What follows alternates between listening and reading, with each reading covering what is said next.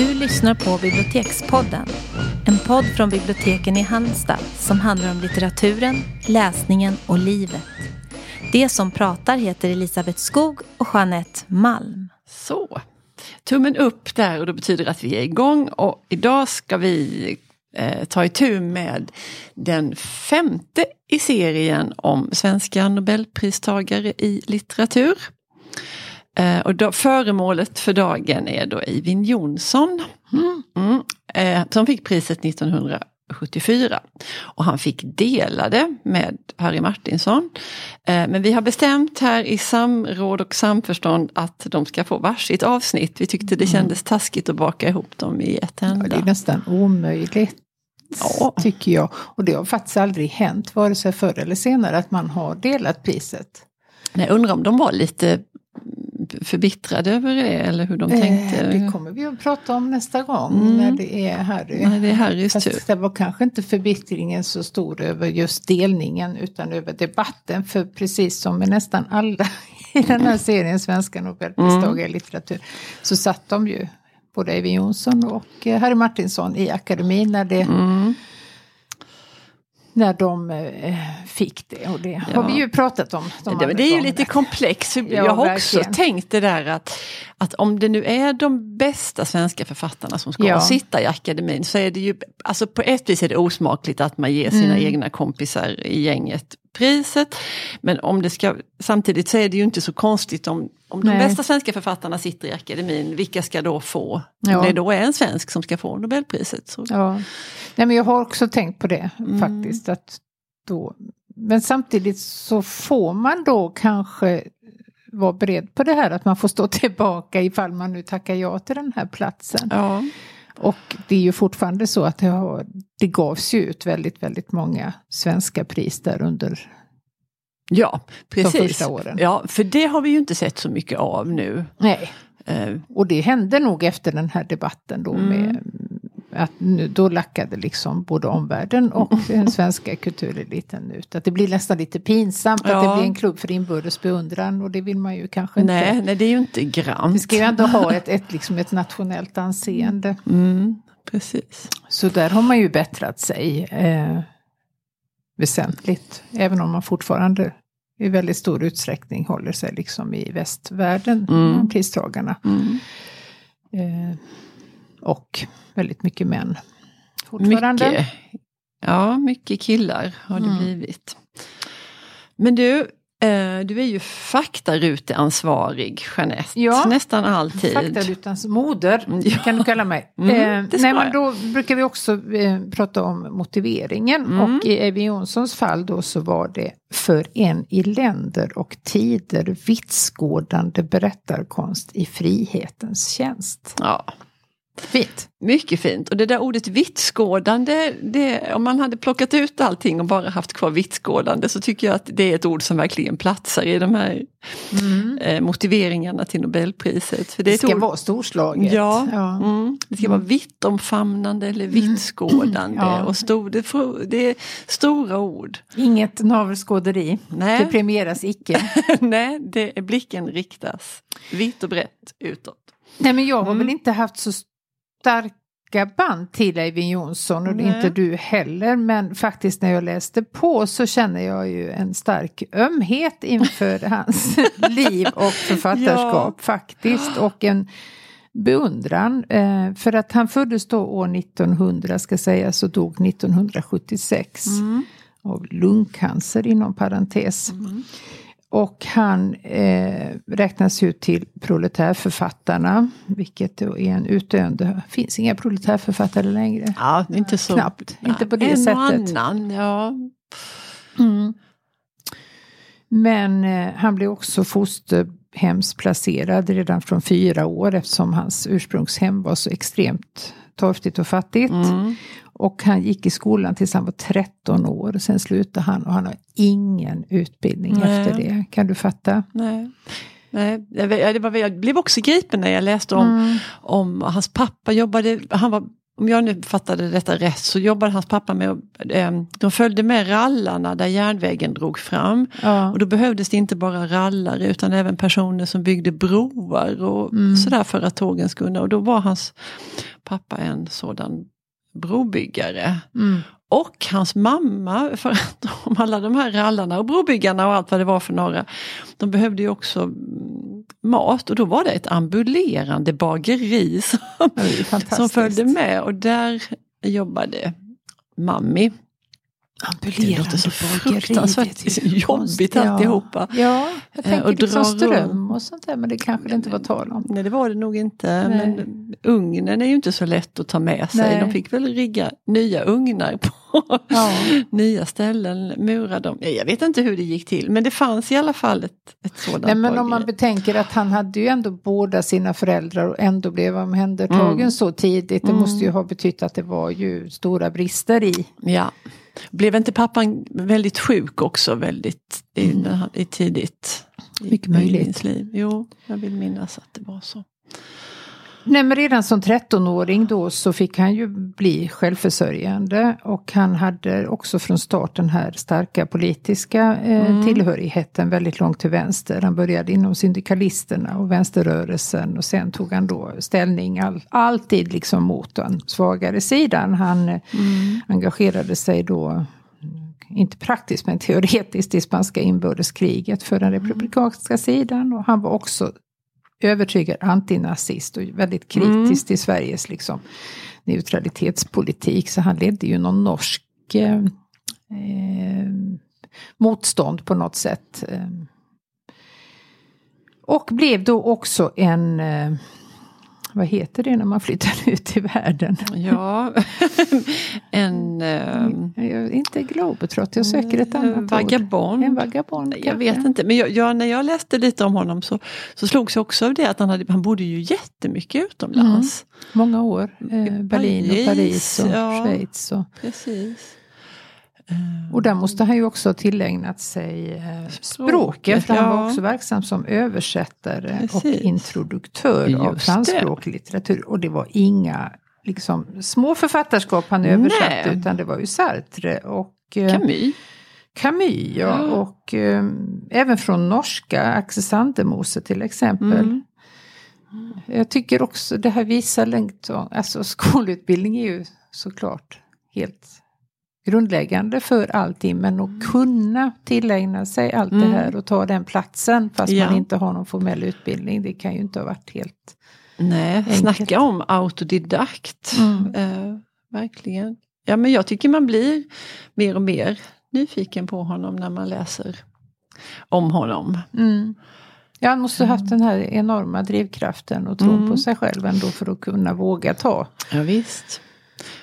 eh, steget Mm. både ut i världen och liksom plats i litteraturens finrum. Ja. Vilket han ju Och han var ju, gjorde. alltså jag tänkte det här med proletärförfattare, han var ju också liksom en modernist i, Mm. i, i tiden. Eh, Eller kanske till och med före sin tid. Ja.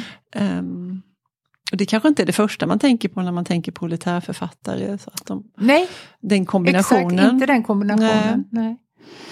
Inre monolog var han väldigt tidigt Ja. ute med. Jag tycker det är så fantastiskt med just de här banbrytarna som Mm. tänker nytt och gör nytt. Eh, Jag tycker Ja. det, det är och det så... kanske man kan också om man inte har lärt sig vad det är, vilken form som är liksom den Ja. gängse. Då Ja, kanske man är friare att bryta kanske. mot den. Men man skulle också kunna bli skräckslagen för att man inte har den där bakgrunden och Ja, på fötterna och sådär. Ja, Ja. Inte vet jag. Men du, jag, har, jag läste på lite på han, han fick ju hemskt väldigt mycket fina priser under Mm. sin, sin ja, han var ju en produktiva- läst och uppskattad Ja, författare ja, var hela han. tiden. Från Absolut. genombrottet som Ja. 23-åring redan. Mm. Tror jag han var. Mm. Eh, redan 1936 så fick han det nios stora pris. Det är ju ett väldigt liksom eh, kreddigt pris att få. Mm. Och sen har han fått Litteraturfrämjandets stora pris och Litteraturfrämjandets stora romanpris. Men, det var många år däremellan. Mm. Eh, han har fått Nordiska rådets litteraturpris. Det är ju också tungt. Väldigt tungt och Som ganska mycket tusen. pengar. Ja, Eh, det är sant. Mm. Och Övralidspriset. Ja, det ligger ju oss väldigt Det ligger oss hjärtat med. Övralidspriset. Ja. Nej, men jag tycker de har visat faktiskt tecken, eller visat att de faktiskt Ja, väljer med väldigt stor omsorg vilka som ska få Ja. pris, Övralidspriset. För ja. det- det- Du, dit ska vi någon gång. Ja, det ska Jeanette. vi. Ja, det ska vi. Med Om det så ska utan- kosta oss några arbetsdagar. ja, Så fort man kan färdas. Sen var det mycket man vill göra. ja, det är helt tröstlöst. Tröstlöst. Ja.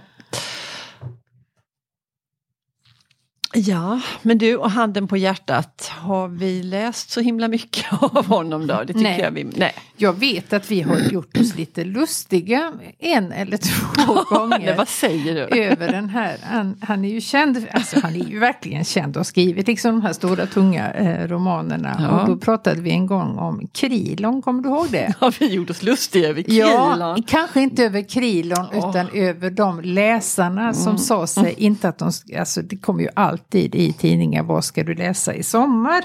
Frågar man liksom. Ja, Ja.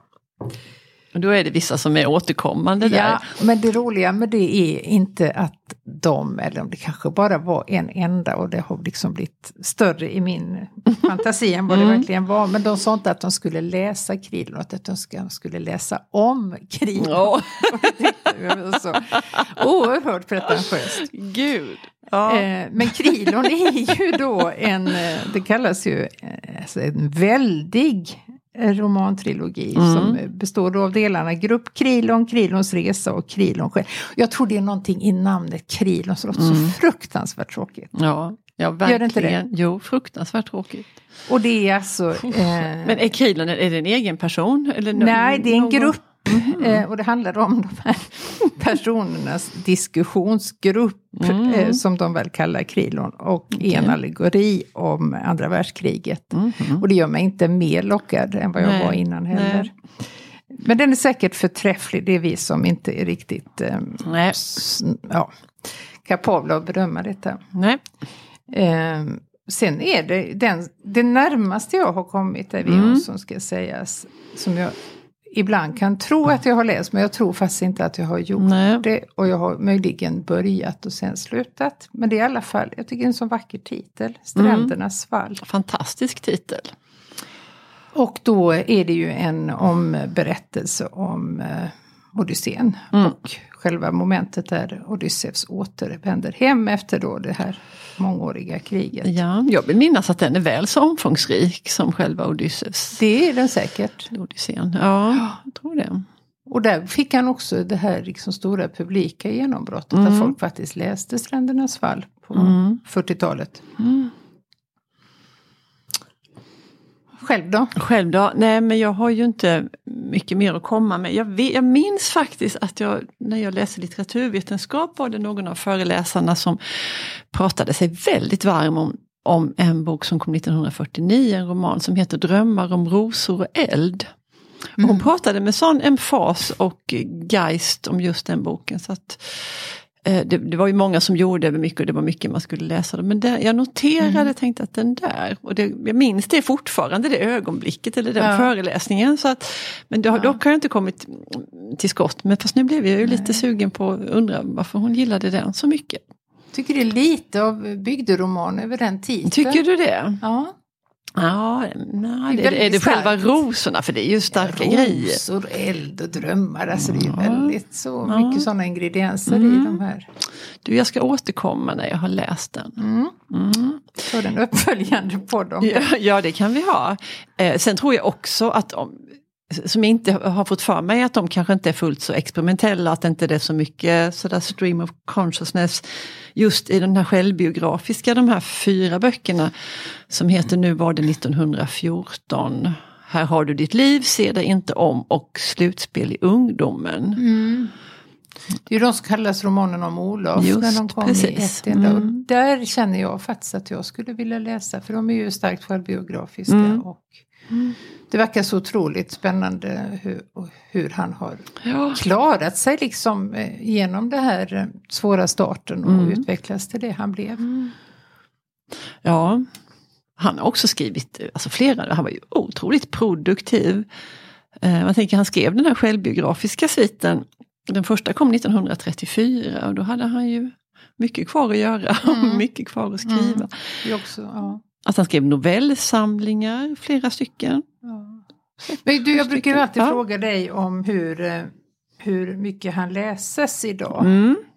Har du någon eh, uppfattning? Ja, eh, och- ja men alltså inte helt ständigt. Jag jobbar ju mycket med, med personer som läser talböcker och där är det faktiskt ganska vanligt att man vill ha just de här självbiografiska romanen om Mm. Olof. De här fyra som ju finns både i ett paket och i... i ehm, så det- de, alltså det är ju inte, händer ju inte varje dag men, men Nej. den är ändå livaktig. Ehm, annars sådär, sen kan det komma någon litteraturstuderande som vill ha Mm. Strändernas fall. Eh, det är nog mina erfarenheter av Mm. frågor på Eivind Jonsson. Jag har också läst att hans...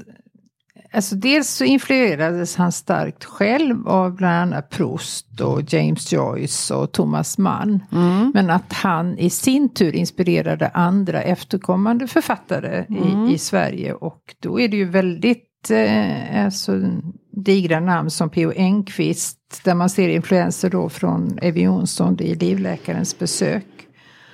Och att Kerstin Ekmans roman, den här Gör mig levande igen, är starkt inspirerad av tidigare nämnda Krilon-trilogin. Mm.